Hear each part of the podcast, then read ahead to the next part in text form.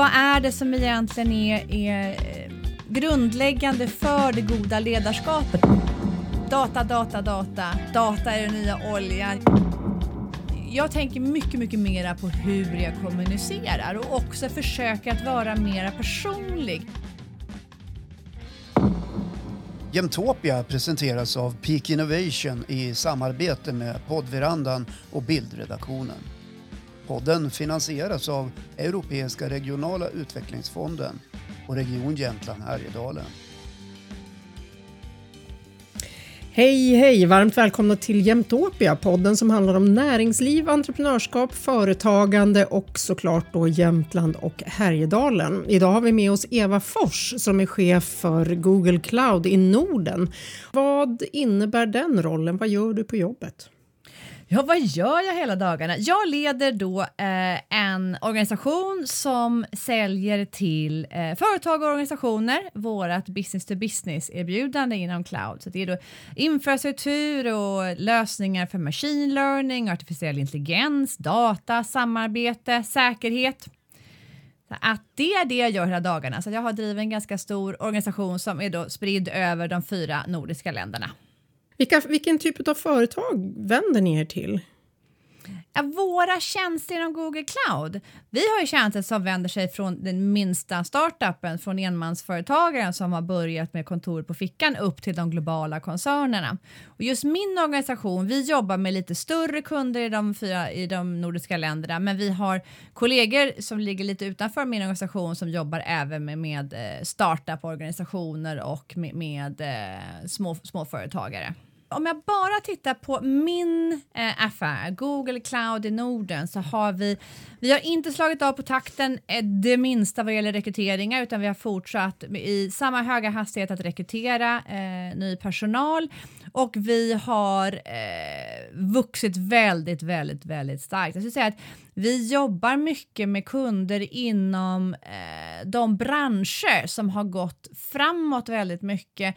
Eh, vi har mycket kunder inom retail, inom financial services, inom telekom, media, entertainment.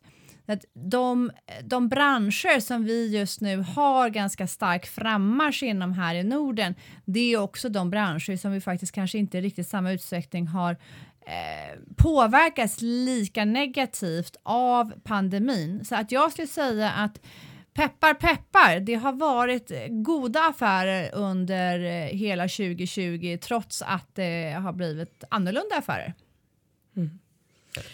Du, du leder ju en organisation då som växer väldigt starkt och samtidigt så får ni inte träffas. Eh, jag vet att ledarskap ligger dig väldigt varmt om, om hjärtat. Hur tänker du kring den ekvationen?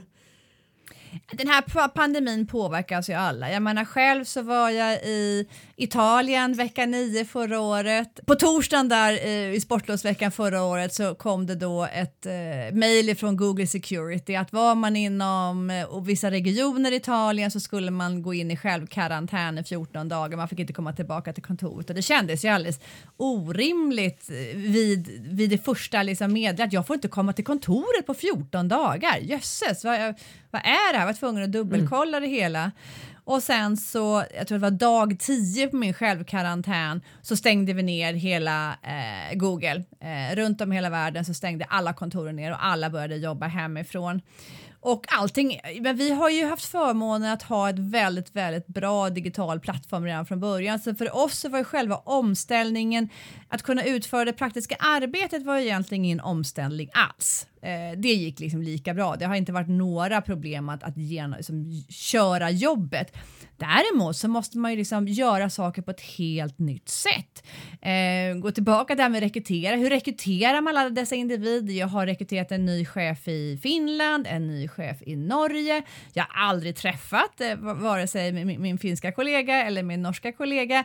Vi har rekryterat många nya specialister som är då börjar är ny på jobbet utan att varken träffa sina chefer, sina kollegor eller man får liksom saker och ting hemskickat i ett Eh, paket utanför dörren så står det en dator och så får man lite hjälp digitalt. Och, och det gör att vi måste förändra hela sättet vi, vi onboardar personer. Vi måste förändra sättet vi kör våran governance och också sättet vi faktiskt säljer. Jag driver ju en säljorganisation och helt plötsligt kan vi inte träffa kunder utan vi måste köra allting digitalt. Så det har ju varit en jättestor förändring.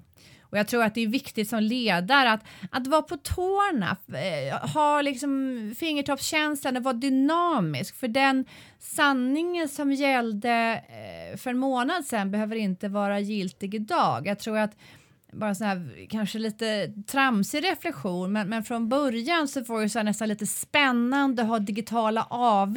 Så åh, nu ska vi sätta oss och, och ta en digital AV fr framför skärmen en, en fredagkväll och, och, sitta med ett glas vin som avslutning på veckan.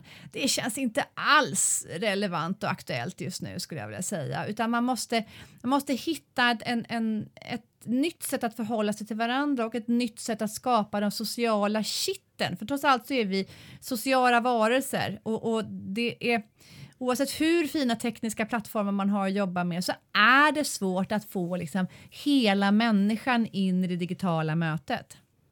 Tror du att det finns fördelar och lärdomar som kommer leva kvar eh, efter det här eh, när pandemin är över? Jag tror att eh, jag satt ju själv på flygplan varje vecka innan pandemin. Jag har liksom varit eh, väldigt, väldigt, väldigt mycket resa därför jag tycker att det har varit viktigt med ett närvarande ledarskap. Att jag har inte velat leda från skrivbordet utan liksom vara ute med min organisation. Och det är klart att jag längtar efter att få, få vara nära även rent fysiskt min organisation igen. Men, men det här är lite tokiga resan att jag var i San Francisco i 26 timmar. Det känns ju inte riktigt rimligt någonstans att åka över halva jordklotet för att vara där ganska precis i ett dygn. Så det här eh, men, resande som faktiskt kan göras på andra sätt. Jag tror vi alla blivit medvetna om att det går faktiskt att eh, mm. köra möten och du kan bli mycket, mycket mer effektiv istället för att ha ett möte på en dag. Om jag ska åka till Helsingfors så får jag inte in så mycket på en dag, men, men, om jag istället sitter i Stockholm så kan jag ju effektiviteten öka ju dramatiskt. Och också flexibiliteten, den tror jag alla är väldigt måna om att bibehålla. Att, att ha den här flexibiliteten i sitt liv, att det är mycket, mycket eh, effektivare och kunna hoppa i och ur eh, professionella och privata livet och få det att gå ihop på, på ett kanske smidigare sätt. Så det tror jag är saker vi kommer ta med oss och, och förhoppningsvis bibehålla även efter att pandemin eh, har liksom lagt sig. Mm. Om vi drar tillbaka våra tankar till underbara Jämtland då. Eh, när det gäller företagande och tillväxt, vad, vad ser du där just nu? Det är ett väldigt, väldigt starkt entreprenörsdriv, vilket är otroligt spännande att se. Och också de, alla initiativen som får upp. Och det är klart att eh, Jämtland är ju så oerhört mycket mer än bara Åre, men ser man liksom till lilla Åre med House B och E14, sen har vi liksom Peak Region och Campus Åre, högskolan. Eh, och det är otroligt intressant när man tittar på eh, med, med Jämtland. Det är ju trots allt liksom det tredje största länet i landet och samtidigt så har det bara det näst lägsta antalet invånare. Så att det är väldigt, väldigt mycket yta och inte så många människor som bor där. Samtidigt så ser vi att det ligger ju verkligen i framkant. Tredje största vad det gäller nyföretagande och en väldigt, väldigt välutbildad eh, population. Så att just entreprenörskapet och drivet att det skapas mycket spännande idéer. Så jag kan ju fortfarande tycka att det är lite sorgligt att, att se att Lars är fortfarande det vanligaste namnet på företagsledare i Jämtland.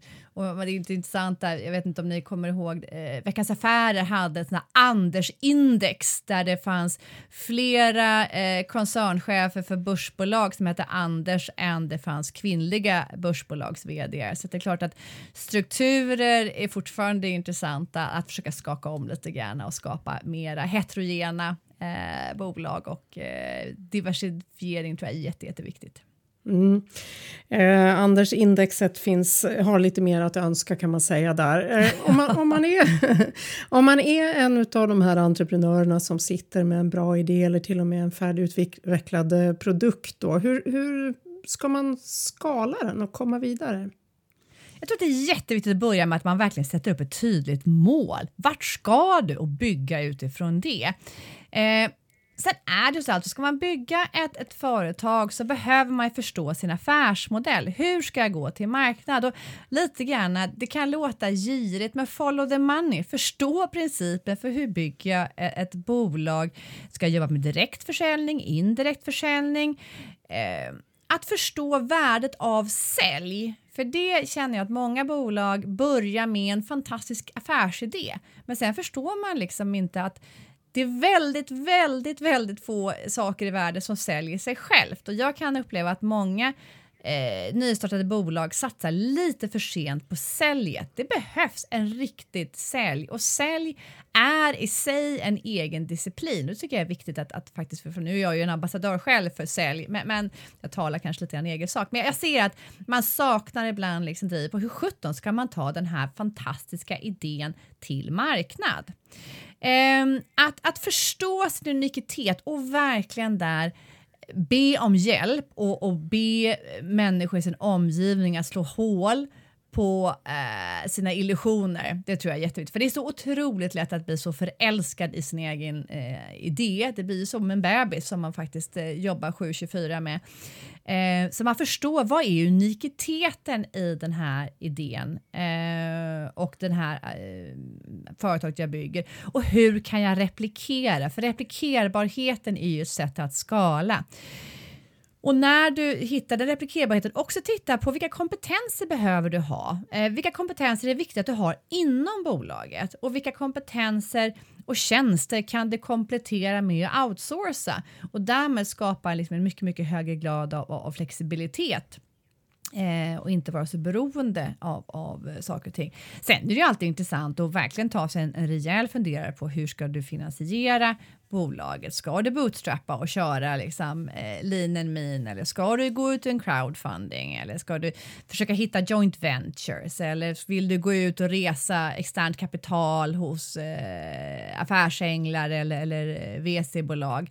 Fundera lite grann över det och det finns ju för och nackdelar med alla de tillvägagångssätten att skala sin affär. Mm. Om vi tar en lite större eh, blick då, vi lyfter blicken lite. Vad ser du för trender just nu inom din bransch? Det, man pratar mycket om data, data, data. Eh, data är den nya oljan. Jag hittade något ganska skojigt eh, citat tycker jag som säger att data is the sword of the 21st century and those who wield it well, the new samurais. Det känns ju mm. lite roligare att vara samuraj kanske än att vara någon, någon oljeborrare. Eh, att använda data, för just nu så har du så mycket data om dina kunder som, som du inte använder effektivt i de flesta organisationer och också förstå hur man kan använda dina egna datakällor med tredjepartsdatakällor. Så att det är ju någonstans fundamentet. Hur kan vi bli mera effektiva i användandet av data? Det är någonting som jag upplever alla kunder eh, förstår att det ligger liksom en enorm guldgruva där, men har inte riktigt förstått nyckeln att kunna öppna upp det. Så det, det eh, fokuset på data eh, skulle jag säga är oerhört viktigt. Mm. Datasvärdet där då. Eh, mm. och, och 2021, om du får både önska och tro någonting om 2021, vad, vad har du för förväntningar på året? Jag ser ljus på framtiden. Jag är optimist till min natur. Jag tror att vi alla behöver komma tillbaka till liksom det nya normala. Jag är i enormt behov av, av, att kunna öka mina sociala kontaktytor igen i den riktiga världen, i den fysiska världen och kunna återigen gå tillbaka till, till fysiska möten där det behövs och ha det som liksom bränsle i det fortsatta eh, arbetet. Eh, och att vi fortsätter liksom att, att dra lärdomar av pandemin, fortsätta på att investera i det som är väsentligt, fortsätta att investera i det som skapar värde. Men eh, jag ser verkligen fram emot en vår, en sommar och kanske ännu mer en höst där vi får tillfälle att mötas igen även i den, den, den fysiska världen. Och själv så ser jag som ljusnande framtid i vår. Mitt, mitt äldsta barn tar studenten så det blir också en, en stor eh, stor eh, livsomvälvande sak som även händer i, i, min, i min familjs liv. Mm, mm. Ja, vad roligt att ha en studentmottagning och planera. Det, det känns helt rimligt en sån här dag när solen skiner också.